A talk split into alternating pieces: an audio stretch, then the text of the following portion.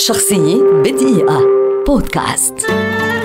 ولد الكاتب الروائي الفرنسي إميل فرانسوا زولا في باريس عام 1840 ويعتبر أهم نموذج للمدرسة الأدبية التي تتبع المذهب الطبيعي. قبل انطلاقته ككاتب عمل زولا ككاتب في شركة للنقل البحري ثم في قسم المبيعات للناشر هاتشت كما كتب مقالات عن الأدب والفن للصحف.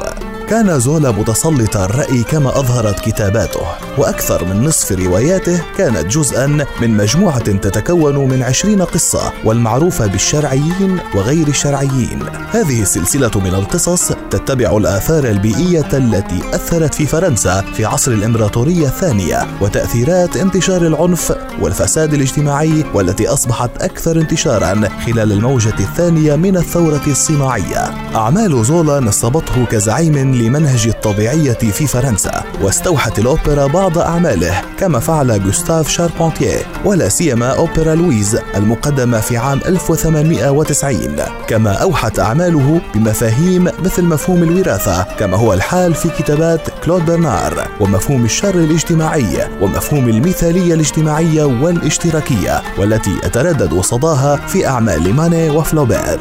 توفي زولا مختنقا بأول أكسيد الكربون الذي انبعث عندما توقفت إحدى مداخن المنزل وكان عمره حينها 62 عاما. وفي عام 1908 نقلت رفاته إلى مقبرة العظماء في باريس. شخصية بدقيقة. بودكاست.